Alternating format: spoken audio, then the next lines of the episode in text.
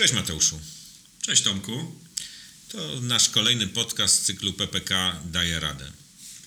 Tomku, porozmawiajmy o tym, skąd się biorą pieniądze w PPK.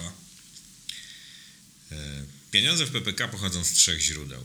Od pracodawcy, od państwa, no i oczywiście również od uczestnika. Zacznijmy od pracodawcy. Pracodawca ma obowiązek dokonywania wpłaty podstawowej w wysokości 1,5% wynagrodzenia brutto. Tego wynagrodzenia, które podlega obowiązkowym składkom na ubezpieczenie emerytalne i rentowe. Tomku, a czy te 1,5% jest także oskładkowane? Nie, właśnie to 1,5% nie podlega oskładkowaniu, natomiast jest obciążone podatkiem dochodowym PIT, bo jest to przychód pracownika. Aha, czyli płacąc podatek, automatycznie te środki stają się moimi środkami prywatnymi. Tak, tak, bo tak jest określone, że środki opodatkowane są, stanowią prywatną własność e, uczestnika i taki też jest zapis w artykule trzecim ustawy. No ale wracajmy do, do, do naszych wpłat. E, pracownik ze swojej strony finansuje 2% wpłaty podstawowej do, do programu, liczonej od tego samego poziomu. Ale tutaj jest jedna ważna rzecz, bo pracownik może obniżyć swoją wpłatę podstawową nawet do 0,5%. A na jakich zasadach następuje obniżenie tej wpłaty podstawowej? To znaczy, tutaj prawo do tego mają osoby, które mają niskie przychody i ich przychody nie przekraczają 120% minimalnego wynagrodzenia. O jakiej kwocie mówimy? W tym roku jest to kwota 3120 zł. Jeżeli ktoś zarabia poniżej tej kwoty, ma prawo obniżyć swoją wpłatę podstawową do poziomu 0,5%. No i ważna rzecz, od razu też dodam, pracodawca niezmiennie musi finansować 1,5%. Okej. Okay. Powiedz mi Tomku, czy ze strony pracownika to wszystko? E, jeszcze nie wszystko, bo jeszcze dodam, że e, zarówno pracodawca, jak i pracownik mogą finansować dodatkowo dobrowolne e, wpłaty do tego programu. E, zacznę od pracodawcy. Pracodawca może finansować do 2,5% dobrowolnej wpłaty, z tym, że pracodawca nie może tak dowolnie finansować, musi określić jasno zasady finansowania tych wpłat.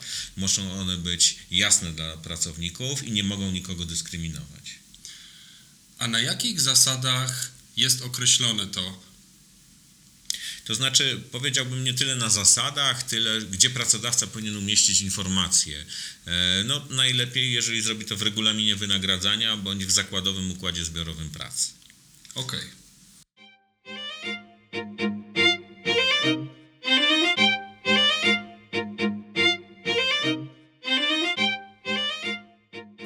Pracownik e, może finansować ze swojej strony do 2% y, wpłaty dodatkowej i może to zrobić na podstawie deklaracji złożonej swojemu pracodawcy.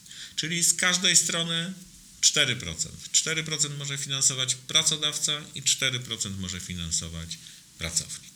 Czyli rozumiem, że ta wpłata dodatkowa ze strony pracownika nie musi być unormowana w jakimś regulaminie pracy? Nie, nie, bo to jest dobrowolna decyzja każdego z uczestników. Tomku, a mówiłeś jeszcze o trzecim źródle finansowania, jeśli się nie mylę, o dopłatach ze strony państwa. E, tak, uczestnikowi przysługują dwa rodzaje dopłat ze strony państwa. Jedno to jest płata powitalna w wysokości 250 zł. Jakie warunki należy spełnić, aby ją otrzymać? Trzeba być uczestnikiem przez 3 miesiące, aktywnym uczestnikiem, co oznacza, że przez 3 kolejne miesiące muszą wpływać wpłaty na rachunek e, danego uczestnika i wtedy przysługuje takiemu uczestnikowi to 250 zł wpłaty powitalnej. Okej, okay, a jeśli mówimy o drugiej wpłacie, dopłacie ze strony państwa?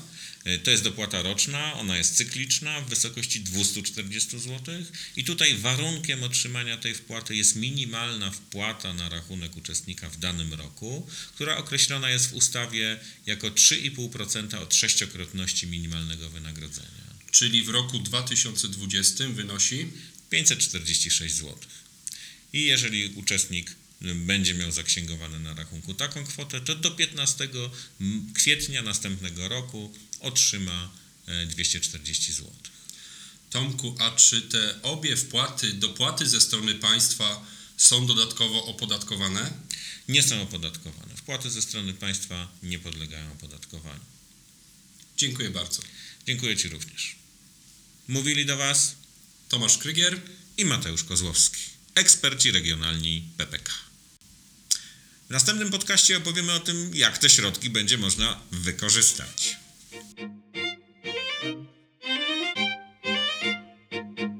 Po więcej informacji na temat pracowniczych planów kapitałowych zapraszamy na stronę www.mojeppk.pl.